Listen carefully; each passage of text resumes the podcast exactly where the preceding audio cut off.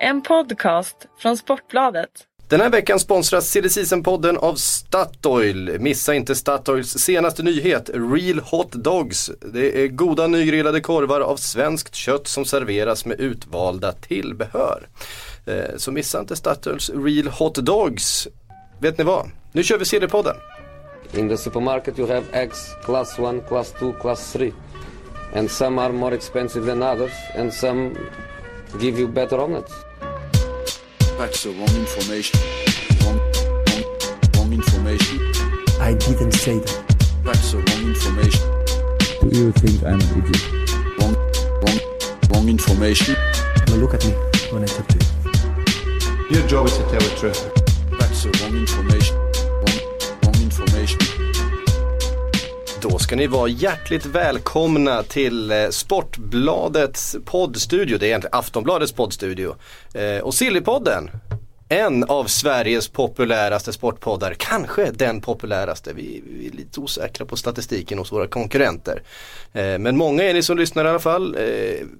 En av anledningarna till denna framgång heter Patrik Sjögren, Sille-general på Att inte tv diskuterar innan hela framgångsreceptet är att vi inte syns. Det är det det går ut på. Och så drar du igång, igång någon Periscope-sändning så vi helt plötsligt syns. Du har, du har ju missat vårt framgångskoncept här. Ja men så är det, men jag syns inte så mycket som du var. Nej, det var jävla tur. En annan eh, framgångsfaktor är Kalle Karlsson som befinner sig precis bredvid. Så blev vi inkallad idag med kort varsel. Ja men så är det. Så kan det vara ibland med Sillypodden. Eh, Det är uppstuds. faktiskt. Det är uppstuds. Varje måndag på uppstuds. Jajamän.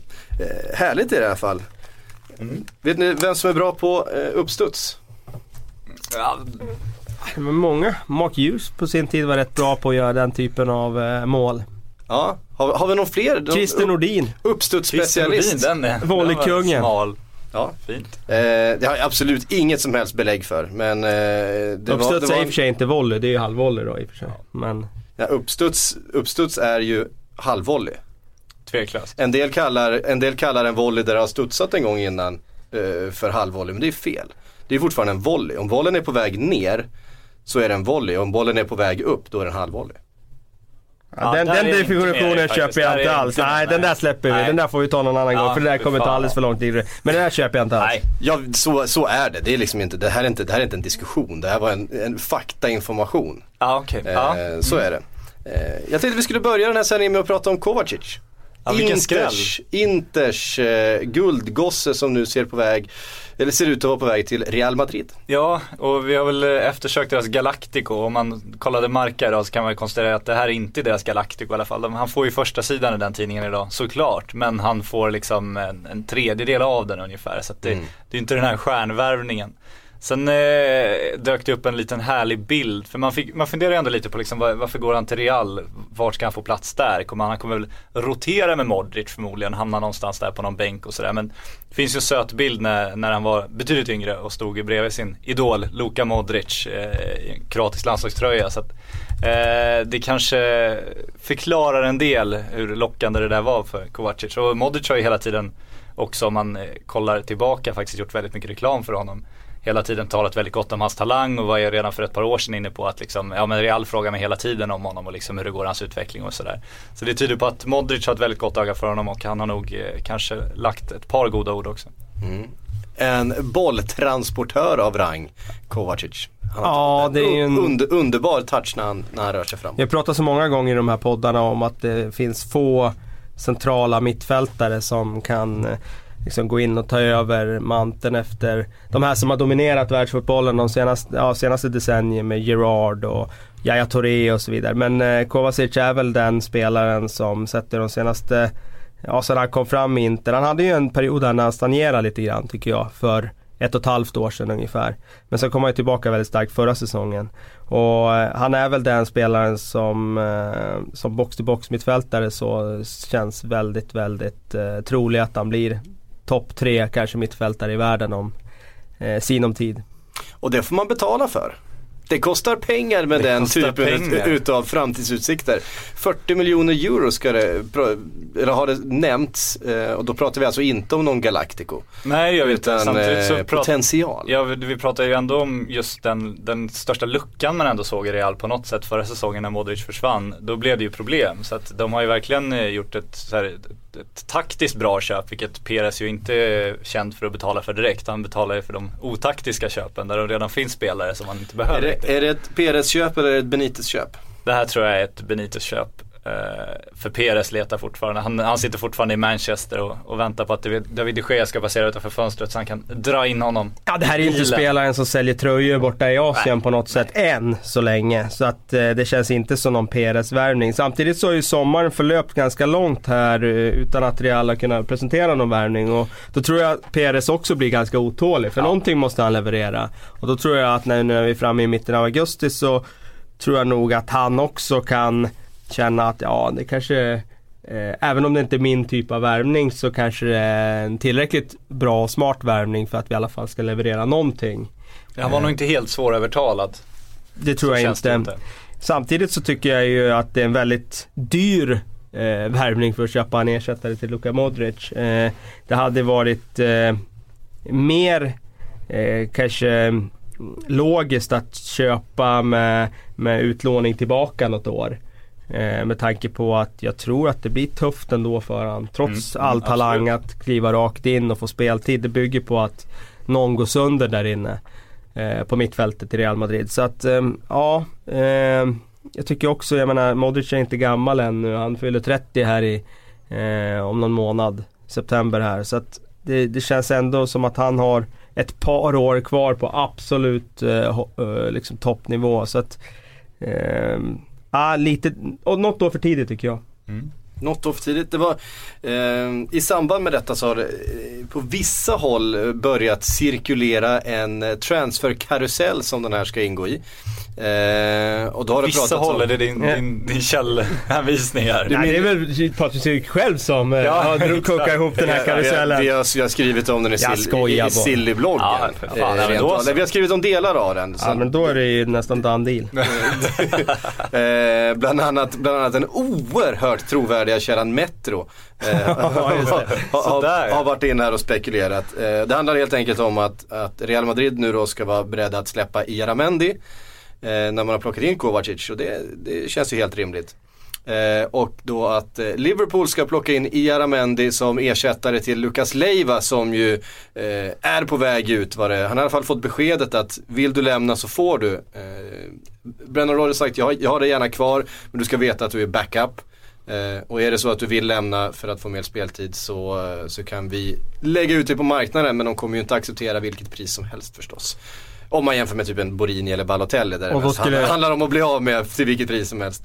Ehm, eh, och då skulle då Lucas Leiva hamna i Inter istället. Eh, där man då behöver förstärka upp när man har tappat Kovacic. Eh, så den karusellen börjar cirkulera på sociala medier.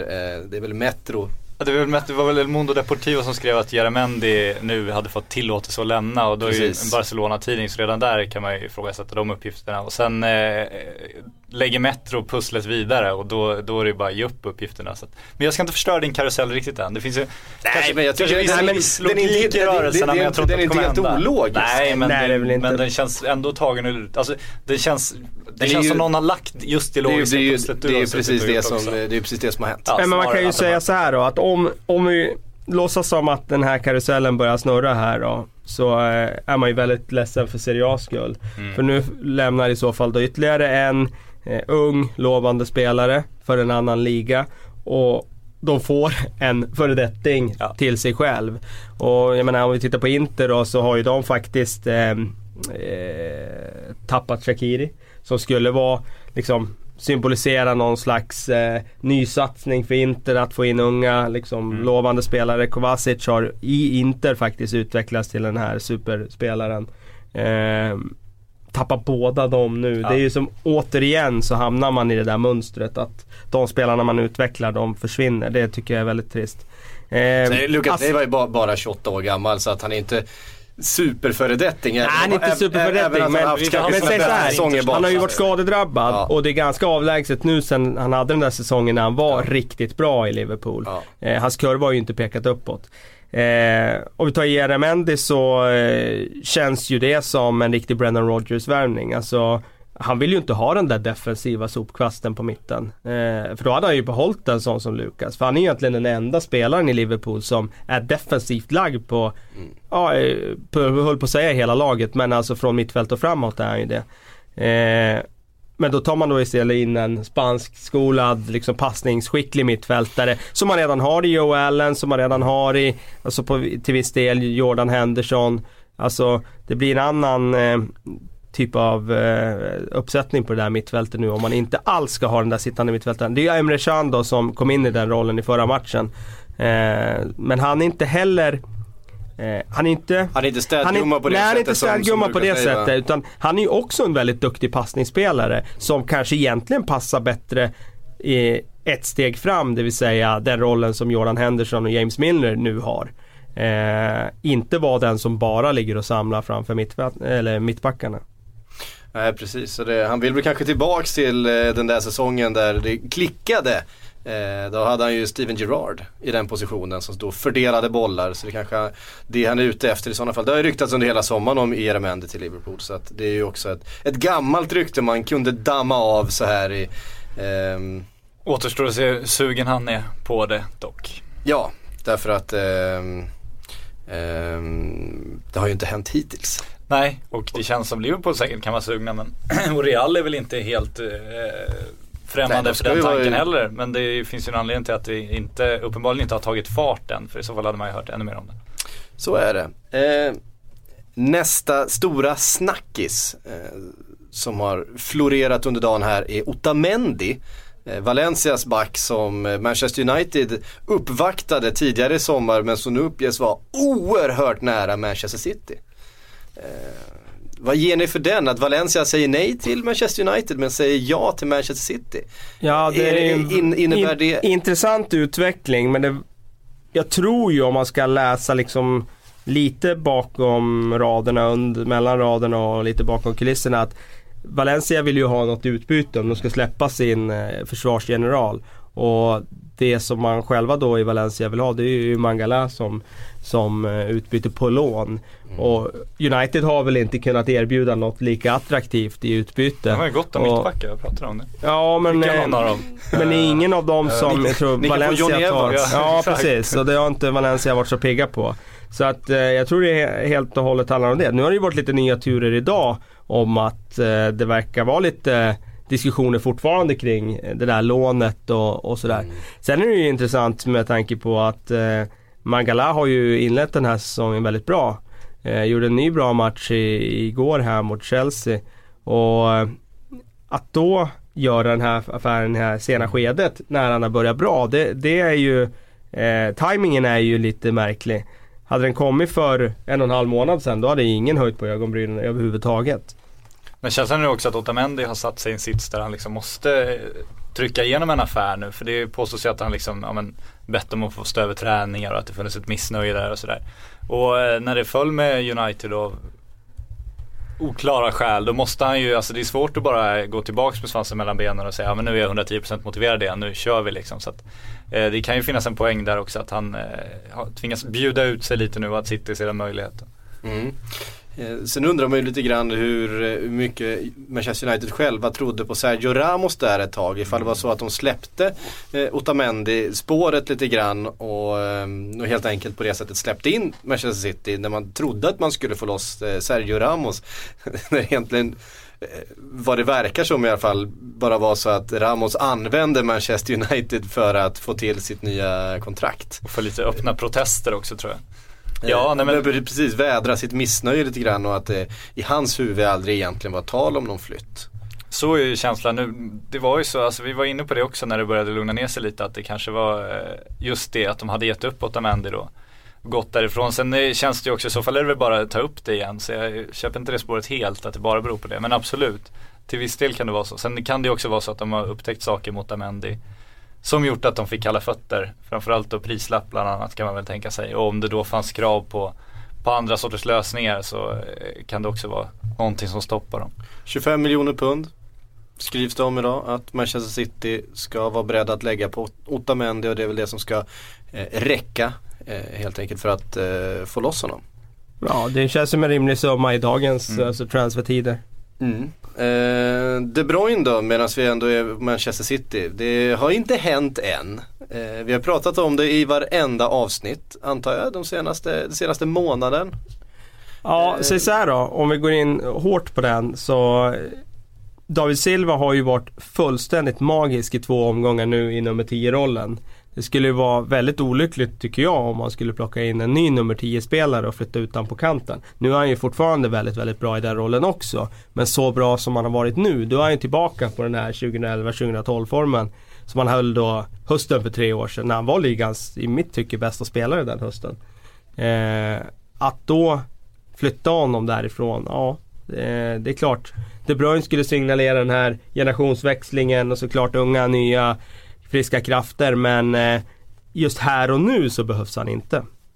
Finns det, en, eh, finns det inte en plats för honom ändå om vi sä, sätter De Bruyne där Jesus Navas spelade igår, alltså till höger? Han kan ju spela där också. Eh, liksom, men ska man få ut det allra bästa av honom så är det ju den där nummer 10-rollen han vill ha där han får vara spindeln i nätet.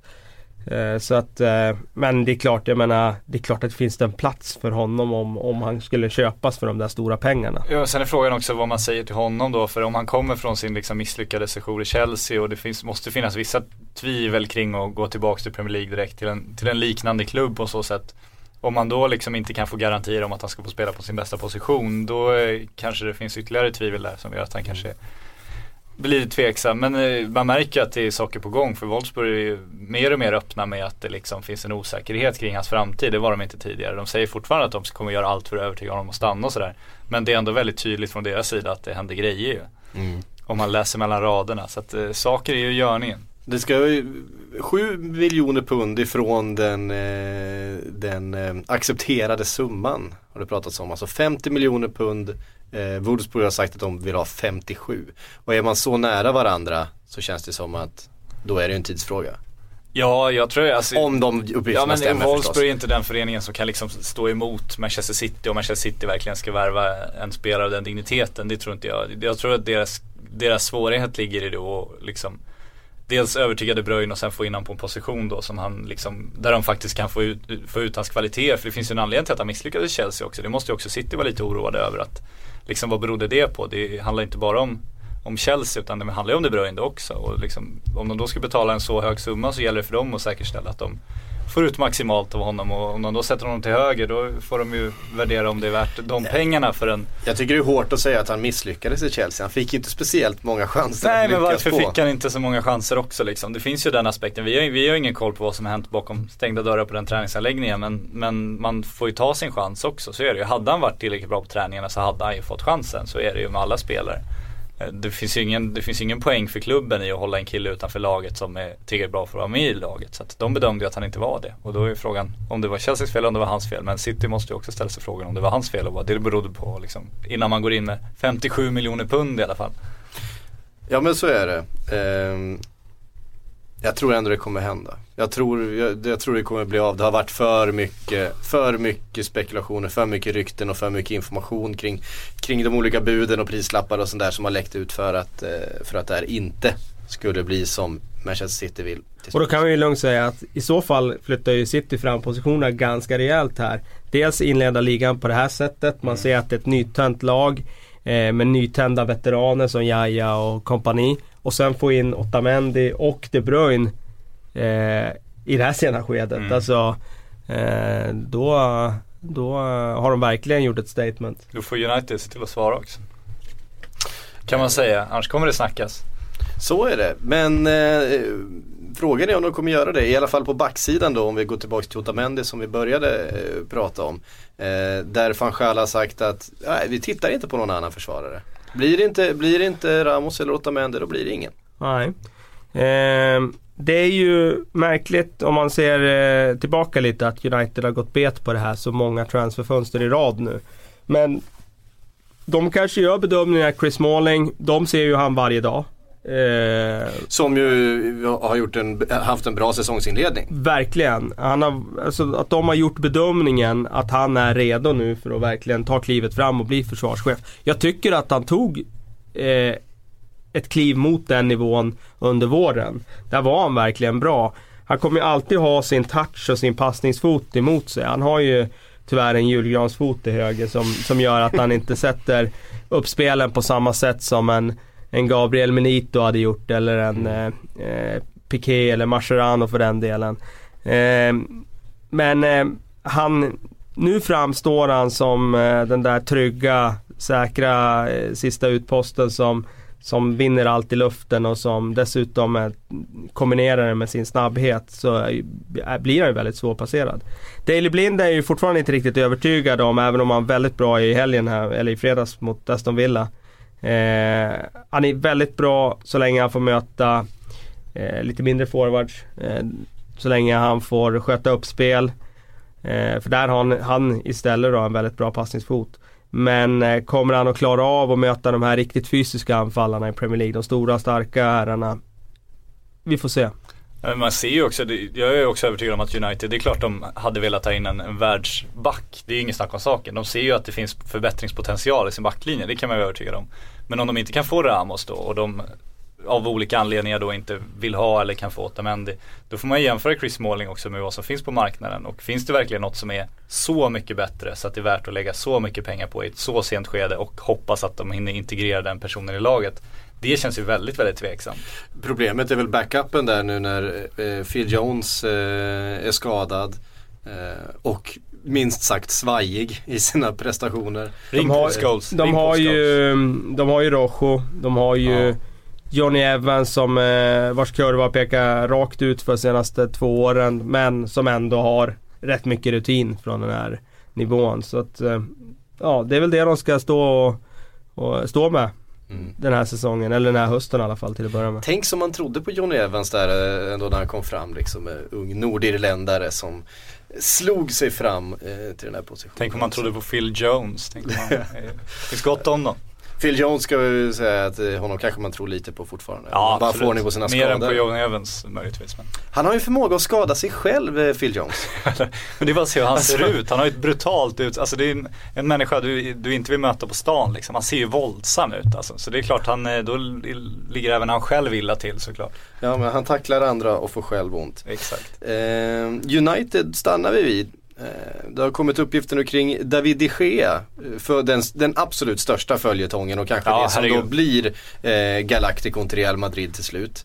Eh, men det har nu kommit uppgifter om att eh, Real Madrid har erbjudit de Gea en sign-on på 12 miljoner euro om han eh, sitter ut sitt kontrakt och går gratis nästa sommar. Så ska, ska det alltså finnas en, en liten nätbonus på eh, en sån där 120 miljoner kronor. Det här är ju intressant tycker jag. Först och främst av den anledningen att alltså, klubbar får ju inte prata med spelare innan det är sex, Sex sex, månader. månader. kvar av kontraktet. Eh, det där är ju ingen som bryr sig om i fotbollsvärlden idag. Eh, och det här, om det nu är så. Jag brukar säga ingen rök utan eld. Det finns säkert någonting i det här att eh, det har diskuterats eller nämnts med agenter som man sprider det vidare och så vidare. Eh, det öppnar ju upp för en väldigt sjuk utveckling. Det skulle innebära att alla klubbar skulle kunna göra så här framöver. Mm. Eh, Det är bara att titta, vem Ja. har ett, ett år kvar på ja, kontraktet? ett år kvar på kontraktet eller ett och ett halvt år kvar på kontraktet eller två år kvar på kontraktet. Du får eh, 200 miljoner om du spelar ut kontraktet i, i, i Chelsea säger man till Hazard. Ja. Alltså jag tycker redan Alltså- det, det är ju redan så, alltså det, det är ju så i praktiken. Hazard vet ju att han, eh, om han blir bossman så kan han kräva 200 miljoner i sign-on. Det, det, är ju- det behöver han inte, det är ingen förändring ser jag heller. Och att prata med spelare tycker jag också är naturligt. Alltså okej, du ska inte få förhandla med spelare så men samtidigt så, 200 miljoner i, i sign-on, det är ju det, det är ju inga summor som har eh, diskuterats förut. Nej men om vi pratar Neymar så, eh, hur mycket lyfte inte han i sign-on? Det var ju betydligt mer än så till och med. Så att det där är fotbollsverklighet idag. Och att du får prata med spelare, det är klart du måste liksom Alltså om jag vill köpa Cristiano Ronaldo och jag är Manchester United. Det är klart som fan jag ringer Cristiano Ronaldos agent först och kollar om Ronaldo överhuvudtaget är, är intresserad innan jag börjar liksom övertyga Real Jag sitter ju inte i en förhandling med Real Madrid i en månad, kommer överens och går till Cristiano och han bara, "Ha, nej, nej det är bra, jag är inte intresserad. Nej, det är så det funkar. Men jag håller med, det är en vidrig utveckling på så sätt. Samtidigt tror jag att det sker, det sker om han skulle gå till eh, Real Madrid idag, alltså hans sign-on skulle inte vara, alltså den skulle vara så astronomisk ändå. Så att jag tror inte att han lockas så extra mycket av, av det där. För jag tror samtidigt att hans löneökning också skulle förmodligen, skulle eventuellt ta upp han till den nivån ändå. Om han skulle gå redan i sommar. Men den här rapporteringen, se, kan man se det som ett litet, litet tecken på att eh, Real kanske inte löser det den här sommaren? Jag tror att man ska se det som ett ganska stort tecken på att Real sätter press på United just nu. Och att David de Gea sätter press på United. Det, finns en, det är inte van Schals beslut enbart att han står utanför laget nu. Utan det här, det, det är ju hårt mot hårt just nu. Han försöker tvinga sig bort, det är inget snack om saken. Och eh, det kommer han ju lyckas med. Fullständigt övertygad om. Och är, blir han då årets Galactico? Ja, Eller- alltså, eller- vi, vi har ju pratat om det hela sommaren, så här, vart de skulle lösa, vart ser man luckan i Real, vad är det de behöver? Ja, de behöver en backup till Modric, det, det behövde de, men de behövde inte en ny Modric, nu har de löst det. De eh, behövde en ny målvakt eftersom de kastade ut Iki Casillas genom bakdörren och det är ju där det finns en lucka, så det är där det ska presenteras en, en stor spelare och det blir ju han. Sen, sen finns det ju inte plats, de behöver ju inte en, en stjärnanfallare, de behöver ju en backup-anfallare också, skulle de må bra, men de behöver ingen stjärna, behöver absolut inte förstärka det offensiva mittfältet på något sätt. Backlinjen behöver, där är det svårt att presentera en Galactico, det behövs ju inte heller, de har ju tre riktigt bra mittbackar. Så det kommer ju vara, vara han som presenteras. Och det går ju eftersom han är spanjor, han har ett eh, förflutet i en ärkerival, han, han är, ses som en av världens bästa målvakter nu så att det kommer de nog undan med tror jag. Sen är det intressant det där med tröjförsäljning, jag vet inte hur det ser ut med målvaktströjor. Nej, det säljer ju inte lika bra. Eller hur? Så där eh, får Har ni någonsin köpt en målvaktströja? Jag borde ju köpt Chaka Hislops för länge sedan bara för att, men nej det har jag faktiskt inte gjort. Kalle? Jag tror aldrig jag sett en målvaktströja. Man hade ju målvaktströjor när man var har riktig. Jo då, det har man gjort. Ja, men Men har du sett det på en läktare? Jo det var någon Absolut. Det är, har du sett killen som, som klär ut sig till Peter Käck, eh, Chelsea-supporten Ja, som kör hjälmen och, och hela köret. Han har, han har, Han har kämpat han, han har lagt, lagt ner en del pengar på någonting han inte behöver. Vad heter det engelska blocket? Det kanske finns en Ja. Arsenal-supporter som vill eh, föra det vidare. Ehm, Nej men det är ju ändå, om man pratar tröjförsäljning, det är väl lite överskattat just det där att de ska dra in allt på tröjförsäljningen. Det handlar väl mer om, om liksom reklamintäkter och marknadsvärde och att de kan presentera den spelaren i samband med diverse produkter. Men, men fan det borde ju vara lite mindre lönsamt att vara målvakt Ja. bara på tröjförsäljningen. men, men just själva tröjförsäljningen, alltså eh, nettovinsten på tröjförsäljningen är, är Ja, den är inte så stor den är också mycket, mycket lägre än än, eh, man ger den för, stor, för, för stort det, inflytande det. för, Ja, för den är inte så stor längre i förhållande till framförallt vad till exempel de engelska klubbarna tjänar på sitt tv-avtal så är ju tröjförsäljningen i, i Asien som man pratar om Det är ju ingenting mot sponsoravtalen i Asien, Nej, men, det, tv-avtalen i Asien det det ger, det är väl egentligen att du kan kräma ur ännu mer av tröjsponsorn nästa gång de skriver. Säljer du många tröjor så kommer de att skriva upp avtalet enormt mycket. där- så det är det- snarare där, Det är är där det, pengarna eh, än att det är rena försäljningen över disk. Och sen använder man väl också som en lite lat eh, liksom substitut för att berätta om alla marknadsintäkter. Alltså man pratar ju om att han säljer många tröjor, då menar jag att han är en marknadsmässigt stark spelare. Det, det ger ju andra saker också. Jo, jo men det, det har ju, det har ju eh, kommit Ja, men- mycket rapporter om att det snackades om att när David Beckham köptes till Real Madrid så, Ja, jo, så, så hade de tjänat in alla de pengarna på bara tröjförsäljning. Och det är ju en sanning med modifikation. Eh, om, man, om man skulle göra en riktig ekonomisk eh, uträkning kring det så kanske om du då tar in de här faktorer som, som att sponsorerna, att, eh, att sponsorintäkterna höjs för att det Jo, kanske att de säljs fler, fler tröjor. och att- definitivt. Att de, att de gör tillbaks pengarna Ja, men, det är inte, men det är inte tröjförsäljningen, Nej, liksom, nej. Det, är, det är inte kontanterna över disk som, Nej. eh, som gör det. Nej. Nej men, men Real tjänar ju pengar på sina Galacticos. Det är, det är ju det är en del av deras affärsidé. Annars hade de ju inte kostat så mycket. Nej, så är det ju Så också. Eh, och det är samma sak med alla de här, man tycker att det är jävligt mycket pengar och det är liksom eh, det ena med det andra men, men eh, marknaden är ju faktiskt sån att det är så mycket pengar de tjänar. Eh, till- på, på, de största sina- ja. Sen på kanske det är svårt att räkna hem Bavramans eh, avgångssumma i tröjförsäljningen. Ja, vilket leder oss till eh, nästa punkt. Vad lägger upp för det här? Eh, Abdul Rahman Baba eller Baba Rahman. Rahman. Eller hur man nu vill eh, uttala det. Från Augsburg till Chelsea. Chelsea som kan behöva lite lite förstärkningar eh, efter den här säsongsinledningen. Men, men är det här förstärkningen de behöver? Ja, det kan nog vara det för att om man tittar på Branislav Ivanovic insats senast så var ju den katastrof. Alltså- två matcher i rad han har blivit eh, rundsprungen. Ja, han har ju varit eh, en kona de senaste två matcherna. Dels mot Montero då, i premiären och dels nu mot Sterling. Och, eh, alltså, Ivanovic var ruskigt bra förra säsongen. Mm. Men det fanns, ska säga, inslag här och där där man såg att han var lite bräcklig mot speediga spelare. Men över den här sommaren har ju den där tendensen bara skjutit rakt upp i höjden. Alltså, det var ju bara för Sterling att peta och sticka. Nu är han ju snabb Sterling men så enkelt ska det inte kunna gå som det gjorde igår. Nej. Så att eh, ja, Babaraman kan bli en väldigt viktig förstärkning för Chelsea om han kommer in som vänsterback och Cesar Azpilicueta får flytta över till sin normala position Precis. får man ändå säga som högerback. Eh, då tror jag att det kommer att vara en väldigt, väldigt, väldigt viktig eh, eh, injektion för Chelsea. För att jag ser inte så mycket, många andra alltså, eh, liksom positioner i elvan som jag vill förändra med Chelsea bara för att de förlorade med 3-0 igår. Alltså City var klart bättre eh, oavsett vad José Mourinho sa i intervjun efteråt. Det är inget snack om det. Men Chelsea, man behöver inte liksom måla fan på väggen än. De hade ett regelrätt kvitteringsmål inne, 1-1 Ja. igår. Och det är klart att matchen hade haft en annan karaktär om det hade blivit mål. Nu blir det 3-0 och det blir väldigt påtagligt efter att de spelat 2-2 mot Swansea i, i premiärmatchen också.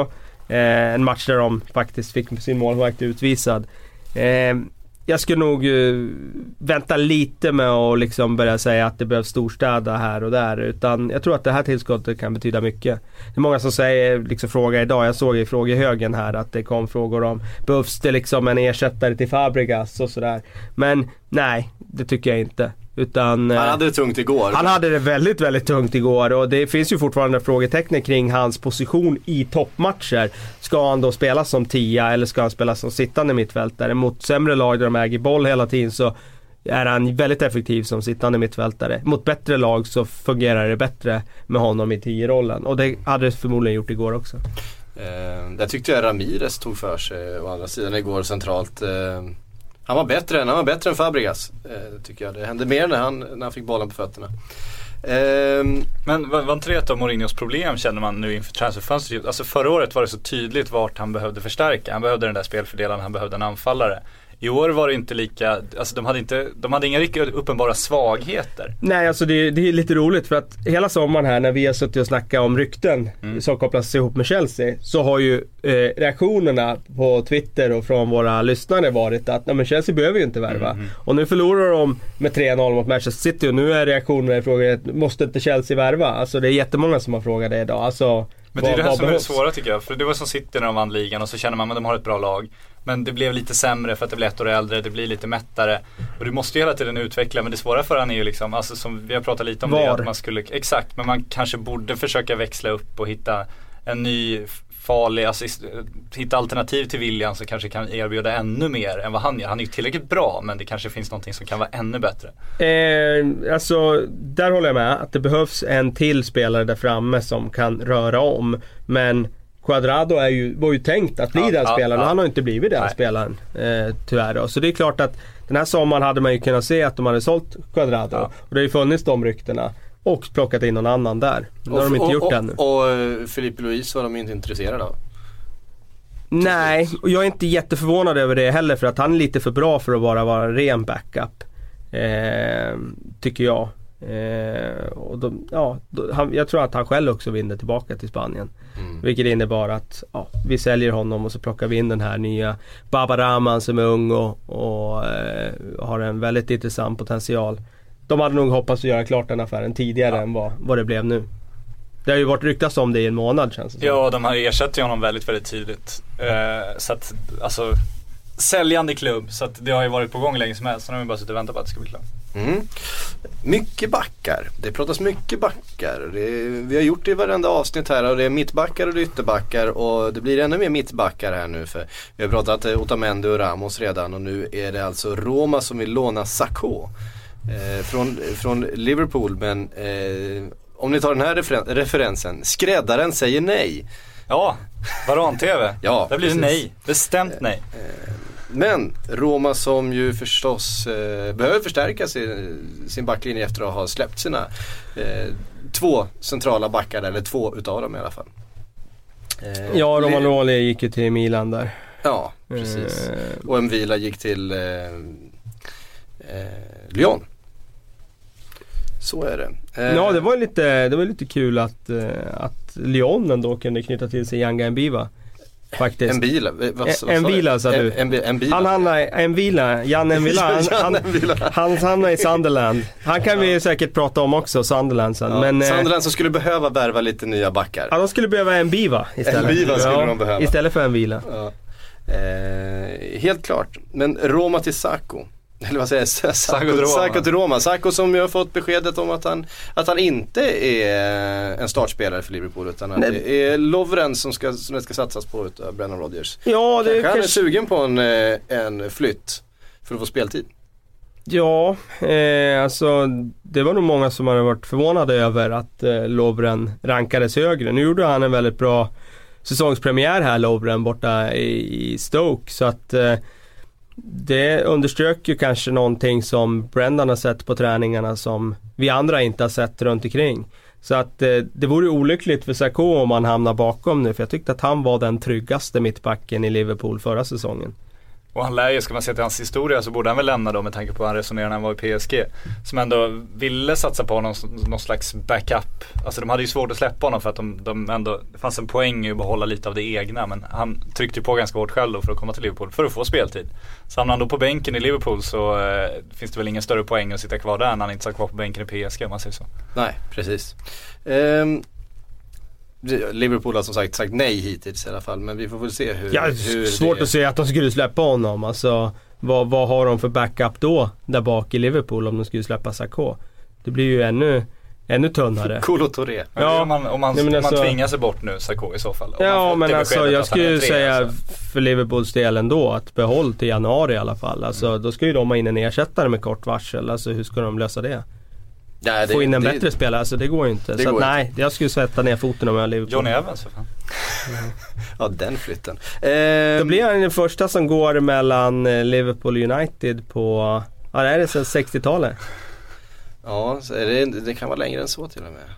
Ja, jag tror att det är det. Ja, Ja, kommer inte om, om, inte då, om, inte, om inte då eh, räknar eh, spelare som har representerat båda klubbarna. För då, Michael Owen till exempel. Ja precis, men det är väl han Phil Kisnall ja, precis. Kisnall, John Phil Kisnall. Han Precis. gick mellan, 64 gick han Ja, mellan 60. Minns det som Manchester. United och Liverpool. Ja. Eh, har vi någon bakgrundsstory på honom? Nej jag vet någonting? att eh, min vän har träffat honom en gång när han var här i Sverige. Oj, Mm. ja mäktigt. inte mer än så. Bra story. Mm, bra. Eh, men vi stannar i Roma och, och, och, och backar. Därför att eh, det det här ska vi inte snöa in på. Jag vill bara nämna det att, eh, att Roma har rivit kontraktet med Ashley Cole ett år i förväg. Kändes aldrig som han kom in i truppen. Där då Chelsea sin oj, bro. Snyggt, Ja. snyggt. Kan vi bildsätta den? Kan vi det? Eh, kan vi göra. Ja, kan vi göra. Eh, Ja då är ju Chelsea sin vänsterback där. Eller hur? Mm. Ja, det klart. Eh, Men engelsmän och utlandsflyttare, alltså herregud. Han, Ja, men- kanske, han kanske hamnar i Sunderland då. Ja, ja precis. Faktiskt, även om van Aanholt blev sågad där i engelsk TV efter sin premiärinsats så tycker jag nog av alla positioner i Sunderland som de kanske inte behöver förstärka så är det vänsterbacken. För van Aanholt tycker jag ändå är Ja men han är ändå en bra spelare för Sunderland. Men i övrigt så känns det som att det behövs nästan nya spelare överallt. Ja, alltså det där mittbacksparet, de kommer ju Alltså de kommer inte ta många poäng den här säsongen om, om de ska spela på det här sättet, så är det ju. Ehm, vi rör oss lite framåt i banan. Ehm, och ehm, ja, det är ju Pedro, Pedro, Pedro, Pedro, Pedro. Vote Pedro. Eh, som eh, det snackas om ska vara klar för United till imorgon och då blir han väl säkert idag bara för att vi inte har läst det nu Det och så spelar vi in en silly Nej, Det alltid någon. Det slår händer det aldrig någonting. fel. Det slår fan aldrig fel. En halvtimme efter att vi lämnar studion, varje gång så händer det någonting med någon vi har pratat om. Så. Ska vi, ska, vi tro att, eh, ska vi tro att eh, Pedro presenteras för United? Han ska ju ha setts eh, på väg till Manchester i helgen och sådär. Han ska ha setts allt möjligt. Jag skulle inte rista in det sten att han är klar idag eller imorgon riktigt än. Men eh, någonting är det ju. Han är ju uppenbarligen inte nöjd med situationen i Barcelona vilket man kan förstå kanske. Eh, så att eh, det känns som han borde, borde ta den där chansen också. eh, Wayne Rooney skulle behöva lite understöd där framme känns som. Ja, samtidigt så har vi pratat om, alltså Rooney vill ju ligga lite lågt och Pedro är ingen spets. Pedro gillar ju att komma, ska ju komma med fart också liksom, gärna från en kant. Så att, eh, det är svårt att se hur samarbetet ska se ut där exakt. Jag har svårt att se Pedro som startspelare i Manchester United hur som helst. Jag ser honom som en, rivig inhoppare fortfarande. Okej, ja jag skulle nog se han kanske som vänsterytter i en startelva. Eh, utifrån eh, ändå hans eh, meritlista och hans nivå, det tror jag nog. Men eh, sen om... Eh, om eh, Men hur ställer Man du fick upp välja- anfallet då? Ja, då skulle jag ställa upp det med Pedro till vänster, Mata till höger, Rooney längst fram. Och sen skulle ju jag inte då spela Depay som släpande utan jag skulle ju ha 4-1, 4-1. Så det skulle få in både Carrick, Schweinsteiger och Herrera. Så ingen Depay. Ingen Depay. Och ingen eh, Janusaj som öppnat Ingen. Janusaj. Nej, jag tyckte inte Janusaj gjorde någon bra match. Jag håller med van Gaal där borta mot Aston Villa. Utan jag tyckte han gjorde en ganska godkänd på sin höjd match. Men han gjorde målet och det var väl trevligt för han. Men jag tyckte inte han gjorde någon speciellt bra match. Eh, Depay, inte med i startelvan. Nej, men eh, samtidigt så kommer det alltid komma skador och det kommer alltid komma annat. Vilket gör att de där besluten utifrån vad är din bästa startelvan? Då behöver du bara ta 3-4 matcher sett över en 38 matcher säsong. För det är alltid någon borta ändå. Mm. Ehm, så är det absolut. Här då, den här är lite intressant. Ehm, Juventus ska kika lite grann på Christian Eriksen om det är så att Draxler-dealen inte eh, lyckas. Det här låter ju som, en, som ett skuggrykte där eh, man håller på så ja man, man försöker att i, få ehm, Släpp Julian Mot- annars mot- tar vi Christian. Precis, motparten att inte eh, dra ut på det för mycket och kanske sänka sitt pris lite grann i alla fall. Nöja sig med det budet som har kommit. För att, eh, Draxler är minsann inte den enda spelaren som vi kan tänka oss eh, på det här mittfältet. Det känns som en sån, men det är intressant att ta upp en sån. Ja, men jag, tycker jag ger dig helt rätt där. Det känns verkligen som en sån. Och jag kan ju absolut inte se att Tottenham skulle släppa Christian Eriksen här och nu. Sen det... Iva, Eriksens agent var ute i veckan sa, och sa att eh, vi är nöjda i Tottenham och eh, Christian vill gärna spela kvar men man vet aldrig vad som händer i framtiden. Nej, men det vet var man ju aldrig. Agenten är sugen, agenten Agenten vill ju alltid ha löneförhöjning Ja. för sin klient. Så att eh, det är klart att han säger det för att Tottenham ska förstå att vi sitter på en bra spelare här. Som Ja. kanske förtjänar löneförhöjning om inte han ska börja blicka någon annanstans. Eh, Draxler till Juventus då? Alltså det, blir, det känns ju Man har ju pratat om Draxler ända sedan den här härliga Arsenal-vintern när Kim Källström blev Julian Draxler. Eh, men ja, alltså det, det är ju synd med Juventus. Man tyckte ju så himla mycket om det där mittfältet som eh, tog dem till CL-finalen och nu är det Mm. helt borta och det känns som Julian Draxler kan väl bli bra men det känns absolut, det känns inte som det kommer bli lika bra på något sätt. Det är väldigt svårt att se. Jag, Det känns heller inte som att han går in på någon av de två positionerna om man tittar på Vidal och Pirlo. Det känns, jag menar Draxler är ju en mycket mer offensiv spelare så han ska väl liksom ingå i ett anfall snarare än att vinna boll längre ner i banan och stå och fördela. är det ingen box-till-box-spelare som man så eh, Mm. populärt vill säga. Nej men, det, men de får ju bygga om, så är det. För det går inte att hitta raka ersättare till Vidal och Pirlo. Det går inte, det finns ju ingen annan Andrea Pirlo just nu. Och framförallt inte någon som Juventus kan ta. Så, att, så, så de, får ju, de får ju chansa lite också. Då är ju Draxler är en liten chansning. Det måste man ju kalla det för. Vore trist för Schalke tycker jag för att de eh, har ju något väldigt spännande på gång nu. Igen. Ny ung tränare i Brighton Reiter. Bra namn för övrigt. Ja, Väldigt bra namn. Eh, Stört, störtloppsnamn. Ja, ja exakt. Man känner att det går fort Ja, liksom. verkligen. Utför. Brighton liksom. Reiter. Ja. Den här gamla schweizerostdräkten hade han Ja, ja, precis. Helvete vad trevligt. Eh, Och eh, nej, men gjorde ju en väldigt fin premiär här. Vann med 3-0 borta mot Werder Bremen. Fått in De Santo. Eh, som eh, faktiskt har utvecklats i Bundesliga till en riktigt bra spelare.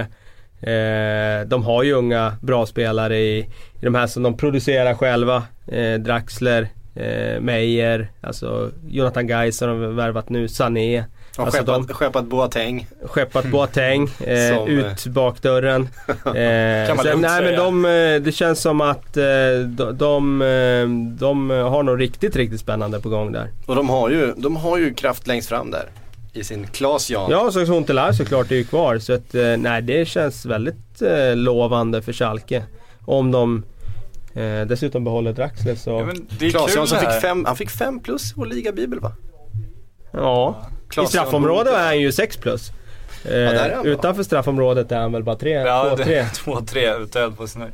Nej men det är kul tycker jag att se ändå att det kommer tyska klubbar, alltså, man pratar ju alltid om Bayerns dominans och sådär men eh, bakom så inte bara att de lyckas överraska något år utan de lyckas faktiskt, som Dortmund, nu gick det inte så bra förra men de lyckas behålla sina spelare ändå. De är inte de här lika lätt sönderköpta klubbarna längre får man Ja, känslan det. av. Så det, är, det känns som fler spänner musklerna där med Wolfsburg också. Just det. Ja, det Schalke tog ju, glömde jag faktiskt, Ma- Matej Nastasic till mittförsvaret i år också. Ja, just det. Och Leon Goretzka, den här unga mittfältaren som värvar redan som när han var typ 17-18 år. Han gick in och startade i helgen på mittfältet. Så att, eh, nej de har ju väldigt lovande lag. Alltså ett Verkligen. av de yngre i, i Bundesliga. Så. Nastasic. Också en, en spelare som inte riktigt fick chansen där i Manchester Han gjorde ju en jättebra debutsäsong där ju. Mm. Eh, sen eh, tappade han efter det. Ja, och fick ju inte spela sådär jättemycket heller eh, efter det. Eh, hörde ni, vi ska ta frågor. Vi avsätter lite mer tid än eh, vanligt idag för Det kom frågor. väl typ 300-400 så att... Det kom ju det. Jag har ett, eh, ett papper framför mig. Eh, vi kan säkert hitta några, några till på, på Twitter. Det är där vi eh, får dem. Eh, men jag börjar i alla fall med Martin Erikssons fråga och den rör ju det vi pratade om eh, för en liten stund sedan. Värvar Chelsea något mer nu eller nöjer de sig med Baba Rahman? Kan behövas efter söndagen. Ja vi var inne på det redan. Vi var ju inne på det. Eh, men kom vi fram till någonting om de behövde för... Nej, jag tror inte det. Däremot så tror jag gärna att José Mourinho gärna skulle välja värva John Stones. Ja, jag tycker ja, inte att det är Jag tycker inte att det är nödvändigt utifrån idag. Men eh, och även om John Terry blev utbytt i helgen så kan man ju se logiken i det. Alltså att, att eh, jag menar det var ju ganska logiskt när eh, när Mourinho förklarade som det var, att de skulle äga bollen och det blir massa omställningar. Agüero mot Terry i djupled, alltså den vill han ju inte ha. Då tog han in en snabbare försvarare. Ehm, nej, jag, alltså Stones vill han få in och Baba Rahman. Sen tror jag inte att de kommer gå in och värva så mycket mer. Såvida inte Cuadrado lämnar. Nej, och kollar man marknaden, det, det är få spelare som skulle göra Chelsea bättre trots allt. Inte startelvan. Nej, exakt. Så det finns ingen poäng att liksom gå ut av den anledningen. Jag tror också de tar, försöker, det är klart de, det vi tror, det, de försöker ta Stones, så är det ju. Däremot det här att det, de ska titta på andra alternativ till Stones nu, det tror jag inte. Nej, tror jag inte ett sekund på heller. Blir det inte han så blir det ingen, men eh, det kan mycket bli han. Mm. David Skörling hänvisade till turkisk press. Ja, Oj, härligt. det gillar Kör vi. vi. Han skriver, turkisk press skriver att Leandro Damiao närmar sig en övergång till Spurs. Var, var, vart är Niva? Koppla in Niva. Ska vi ringa Niva? Ska vi göra en telefonare med Niva på den? Ska vi, ska vi göra det? Vi, vi, vi provar. Vi Ring. Ah, men vi kan släppa Damiao också. Nej, nej aldrig någonsin. Damiao ska in. vi, ehm, vi tar nästa eh, rykte här så ska jag försöka ringa Niva och så ska vi se ifall det funkar. Om inte så klipper vi bort det här. Ja. Ehm, men vad tror vi om det, Damiao till eh, Spurs? Nej. Det finns inte på Det tror kartan. inte, nej. nej. Han är inte den Damiao han en gång var om vi säger så. Så jag har svårt att säga att Spurs ska dit och, med tanke på Spurs anfallssituation som är, är rätt gynnsam trots allt. Eh, så tror jag inte det finns någon, någon, något som helst, någon som helst sanning i det där. Tyvärr, men jag hoppas ryktet lever till deadline day så man kan sitta och stirra Erik Niva djupt i ögonen när man presenterar de här uppgifterna. Det hade varit fantastiskt roligt. Mm. Ehm, Hade de fått en godis i pannan? det hade du. Det hade jag.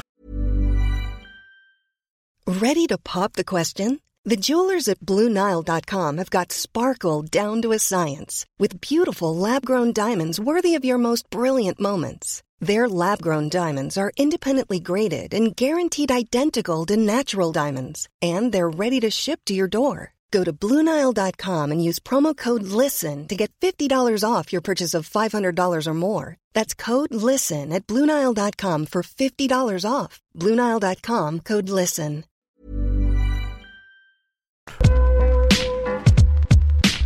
Så, då har vi Erik Niva med på telefon.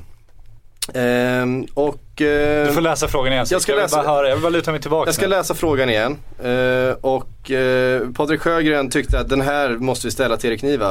Eh, och det är David Skörling som skriver, turkisk press skriver att Leandro Damiao närmar sig en övergång till Spurs. Tankar om detta? Eh, tankar om detta kretsar väl mest kring Patrik Sjögren och hans allmänna uselhet.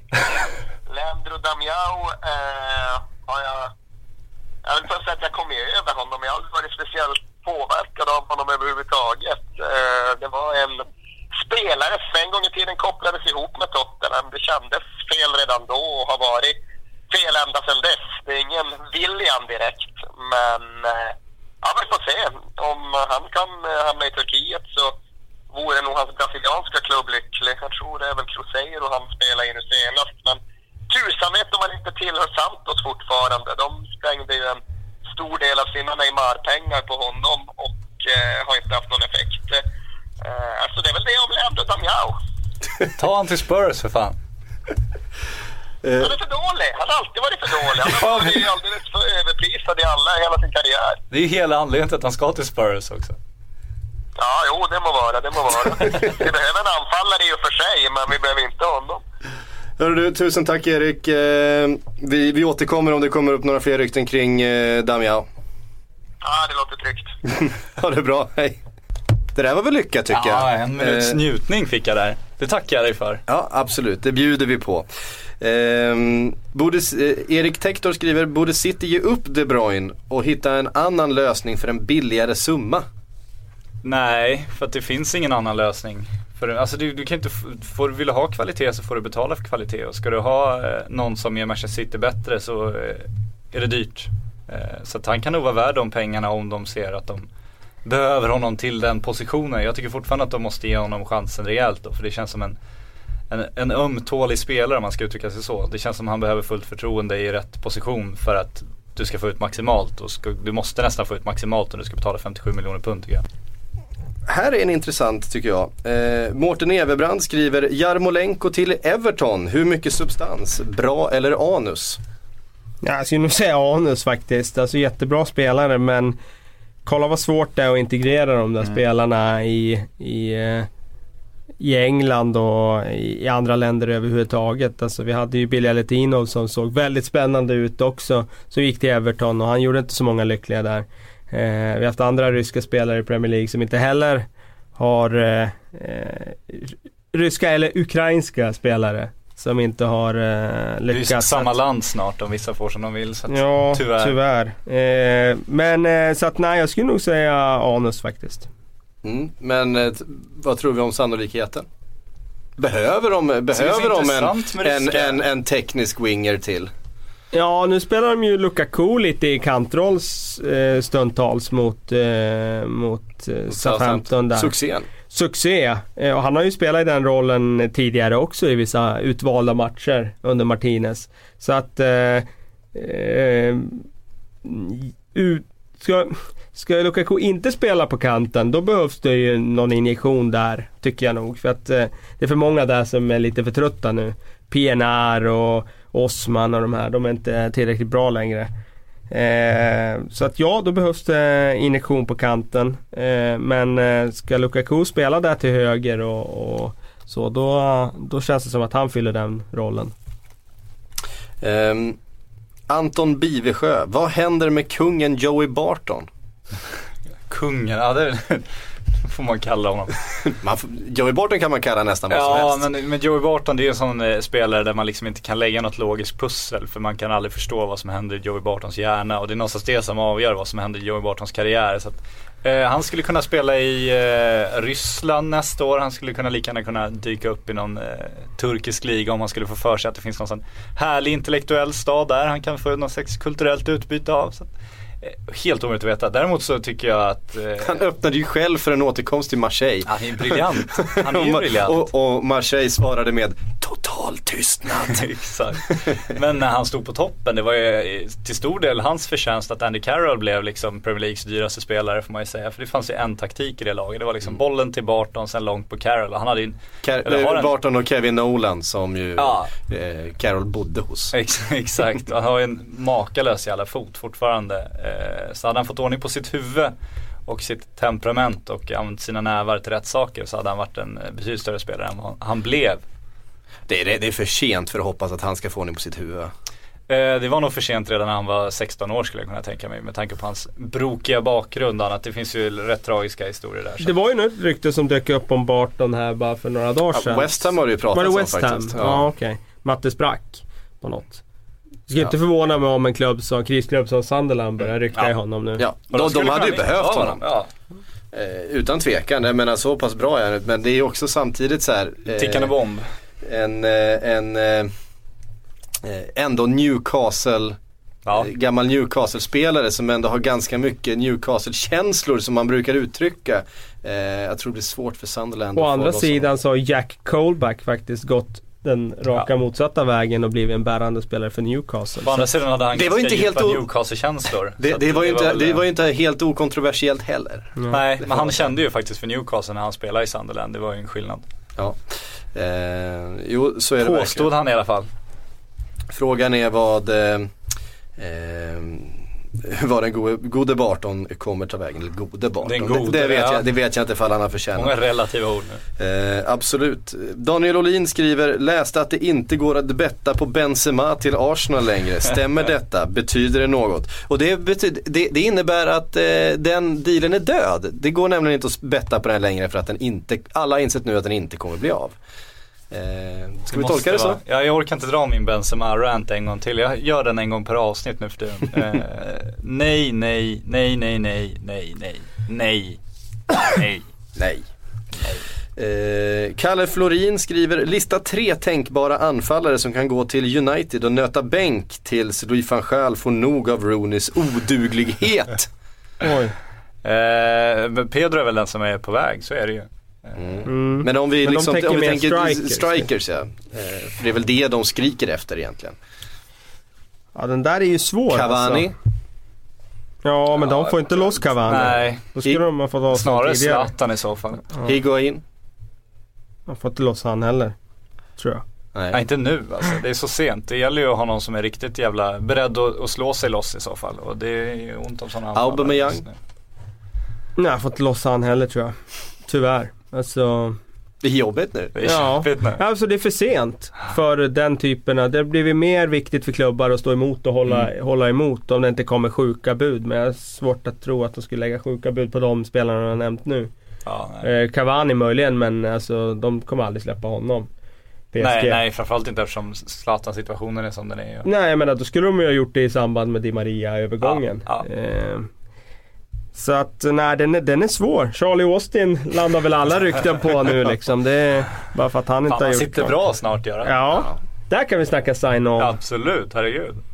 Men eh, väl kanske inte riktigt spelare av den digniteten som United-fansen eh, ser. Nej, som, de, eh, kan, de kunde värva Connor Wickham. Han lär väl Crystal Palace vilja sälja snart för att han eh, gjorde inte många lyckliga i helgens match mot Arsenal. Och Nej. kommer väl inte göra det framöver heller, tror jag.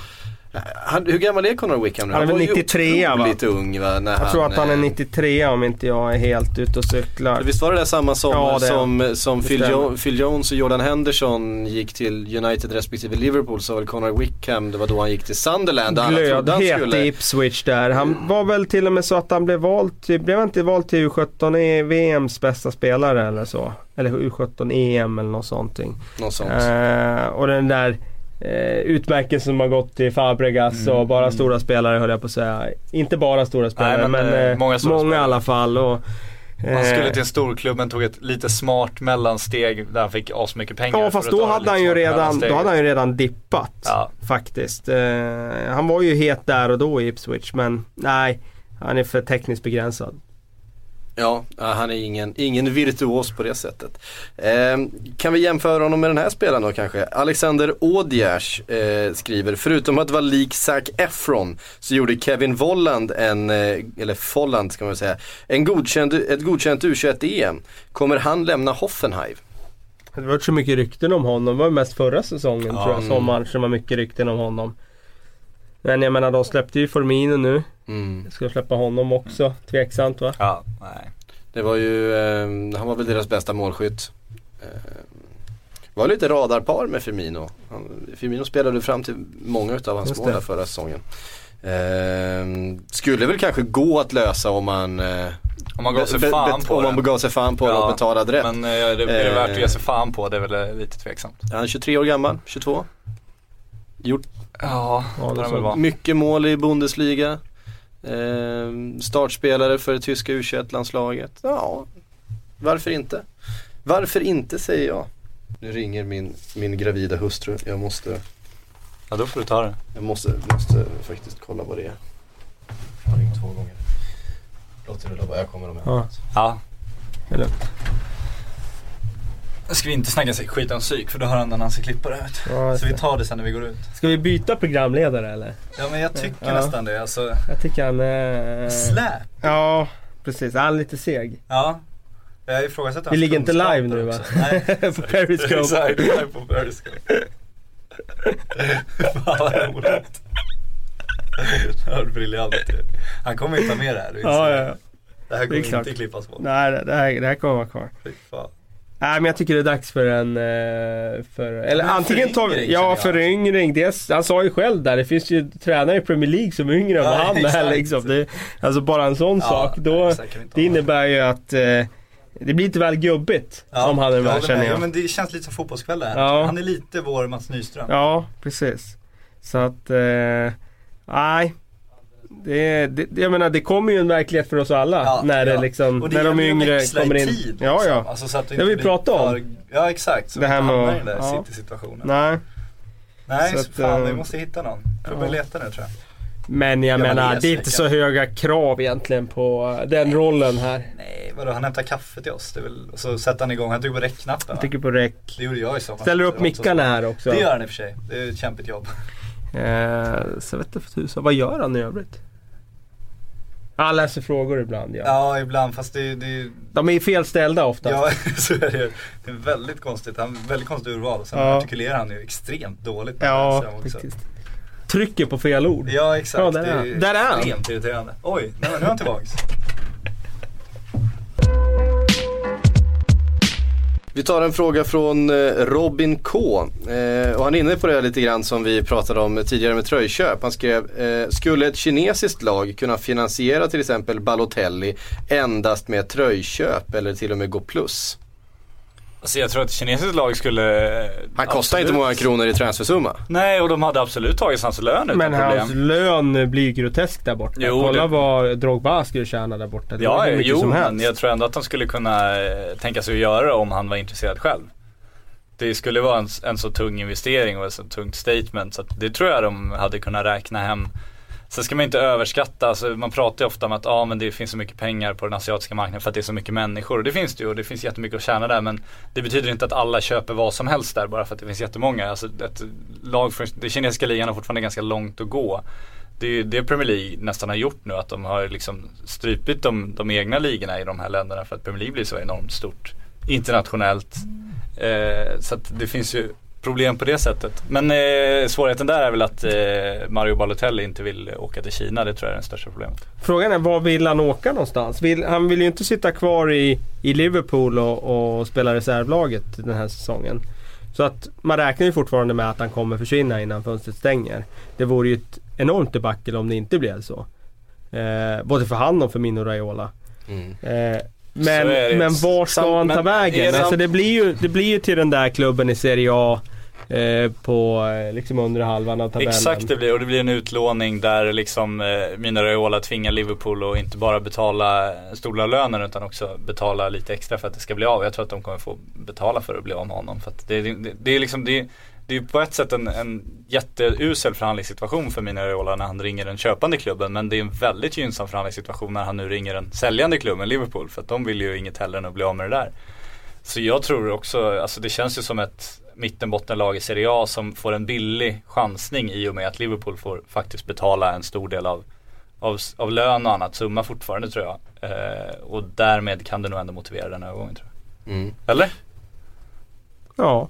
Nej, Alltså, det är svårt att se vad han annars ska göra, liksom. nej. Det har pratats om eh, Sampdoria, det har också pratats om Ja. att Casano ska ha hört av sig till, eh, till Balotelli och försökt övertyga honom att, att välja Sampdoria. Det vore ju briljant på alla sätt och vis. Bara Sampdorias president står där och skriker på Casano och Balotelli. Helvete vad trevligt. Ja men jag ser, alltså det måste ju hända. Ja det måste det är ju skrivet stjärnor. Alltså det är så, det är så självklart så att det måste bara ske. Alltså tänk dig om det klickar och de liksom kan Ja, hitta form ja. tillsammans samtidigt. Det här gamla italienska landslagsformen de ändå hade en gång i tiden. Mm. Ja, nej men eh, snacka om potential och snacka om eh, låg lägstanivå. Ja, eh, hur stökigt som helst. Spannet.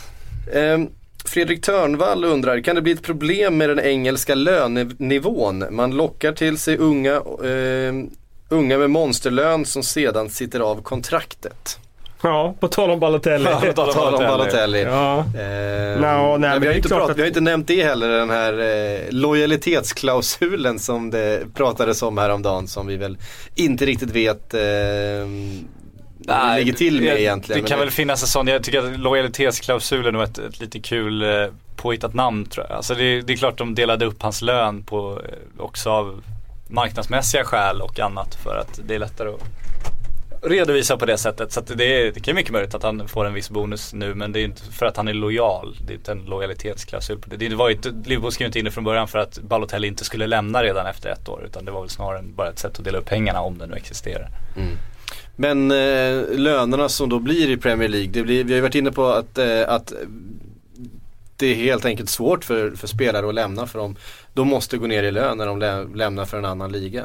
Alltså, Det var ett konstigt uttryck tycker jag. De får för fan offra lite pengar.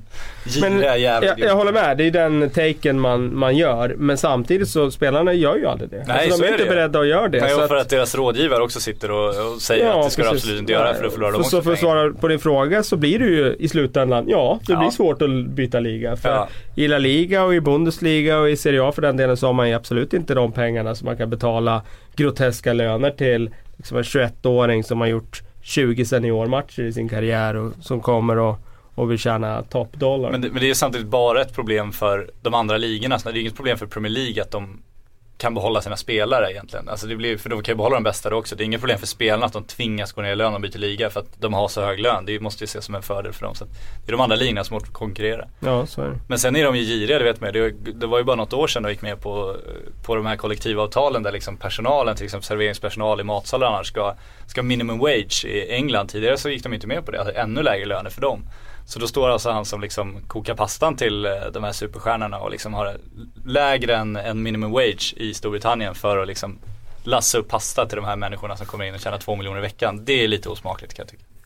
Det kan de fan bjuda på tycker jag och ändå eh, minst ha minimum wage. Vilket de nu har börjat gå med på, tack och lov. Men det vi hörde ni väl vad, vad John Joe Shelby erbjöd, eh, han hade ju en eh, jobbannons ute eh, nu i somras eh, för en privat kock. Som skulle då få en årslön på 60 000 pund. Ja. Vilket ju var helt okej betalt Det är för att vara, betalt. för, Absolut, för att vara han, han vill då ha liksom en specialkost, han, han eh, vill eh, äta bättre och han vill äta homecooked och han vill ä, liksom vara hemma med familjen och det ska liksom vara en i ett, eh, del i det här att eh, få huvudet på rätt, eh, rätt ställe och, och eh, Slippa stå vid spisen själv helt Slippa, enkelt. slippa Ja, men- stå vid spisen själv men, men ändå få genuint hemlagad Ja men ingen, mat. ingen helt dum investering. Alltså om man tänker 60 på 000 pund om året. Nej, nej, men- Jag kan laga mat åt John Joe Shelby för de pengarna.